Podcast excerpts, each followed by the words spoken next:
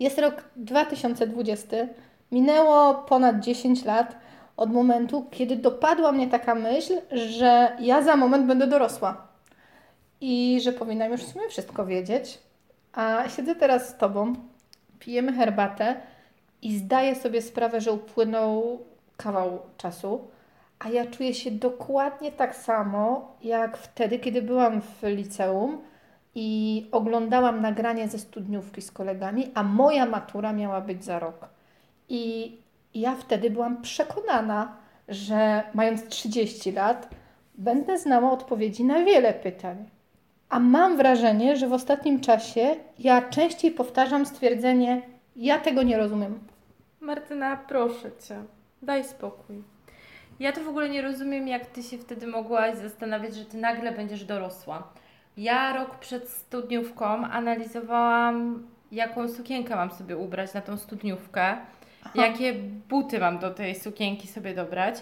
Jedyną rzeczą, nad którą się nie pochyliłam, a powinnam nad nią na chwilę przystanąć, to to, jaki będzie efekt opalenizny natryskowej. Miał wyjść super dobry, a to był pomarańcz. Nie, nie, nawet to nie był pomarańcz, to był brudny pomarańcz. No ale to... dawaj tą swoją nostalgiczną historię, bo widzę, że będzie nostalgicznie. No widzę, że miałaś pięknie. Nie, nie miałam pięknie. Dobra, ja też szyłam sukienkę i też wybierałam buty, ale... Yy... Nie, kupiłam wszystko z marszu, tylko jedyną rzeczą, którą stwierdziłam, że to będzie świetny efekt, to była właśnie ta opalenizna. Aha. No to dobra, widzę, że ja mam tendencję do myślenia nad wieloma rzeczami. No ale historia. Do rzeczy, do brzegu, mm. dawaj. Jestem w drugiej klasie liceum, e, mieszkam w internacie i uczyliśmy się wtedy na takiej wspólnej sali z kilkoma osobami i przychodzą moi koledzy i przynoszą nagranie ze studniówki. I mówią, chodźcie, chodźcie, obejrzymy. No i robimy sobie przerwę i oglądamy to nagranie i pada słynne poloneza czas zacząć. Tadam! Tak, i wszyscy zaczynają w rytm tańczyć i ja widzę te twarze i mam takie odczucie, jacy oni są dojrzali i dorośli, bo to maturzyści. Za chwilę pójdą na studia, będą y, wybierać, y, co mają robić w życiu i, i po prostu już są dorosłymi, dojrzałymi ludźmi. I zawsze przecież jak się ogląda maturzystów, wiesz, ubranych w garnitury, w eleganckie sukienki, elegancja Francja, to wydaje się, że to są dorośli ludzie, ale to się tylko wydaje. Chyba wszyscy wiedzą, że się wydaje. To mnie się nie wydawało, bo ja byłam przekonana, że, yy, że oni są dojrzali. I ja sobie tak myślałam wtedy, że no ja już za rok mam pisać maturę, a ja się nie czuję na to, żeby wejść w dorosłe życie. I potem mija rok i ja jestem na własnej studniówce. I to jest niesamowite. Ja pamiętam ten moment, tą scenę dokładnie jak, jak jakby to się działo 5 minut temu. E, ja swojego poloneza nie tańczyłam, byłam na widowni i pada to poloneza, czas zacząć. I widzę, jak moi koledzy zaczynają tańczyć. I ja mówię sobie, to jest ten moment. Za chwilę ktoś będzie oglądał moje nagranie i będzie odbierał, że to ja jestem ta dojrzała i, mm, i dorosła i powinnam wszystko wiedzieć i, i muszę za chwilę wybrać kierunek studiów i co będę robić w życiu. A ja się czuję, że nie jestem dorosła. I co jest w ogóle najdziwniejsze w tym wszystkim, że no minęło 10 lat. No minęło, minęło. Ponad. Minęło. I nie czuję się wcale pewniej w tym dorosłym życiu.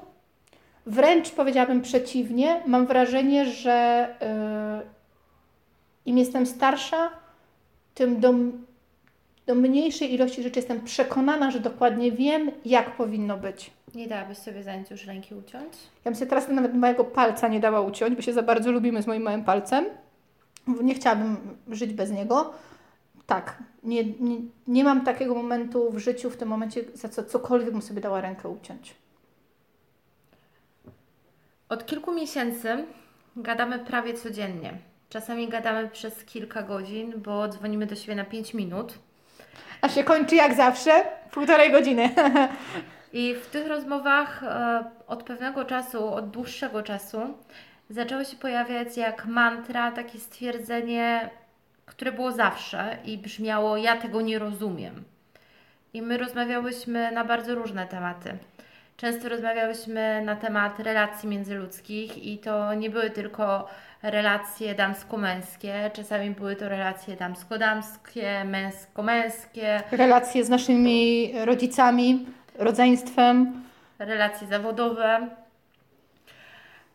I w pewnym momencie zauważyłyśmy, że właśnie nie ma rozmowy bez tego stwierdzenia, bez stwierdzenia ja tego nie rozumiem.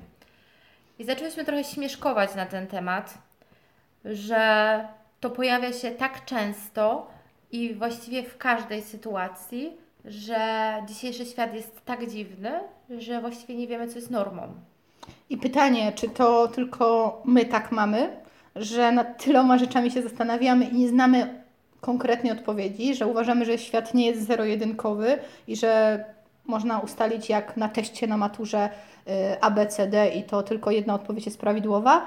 Mm, tylko czy inni też tak mają, że, że wydawało im się, że nie, no oczywiście to- to jest naturalne, że tak jest, a nagle mają te 30 lat i mówią, ja tego nie rozumiem.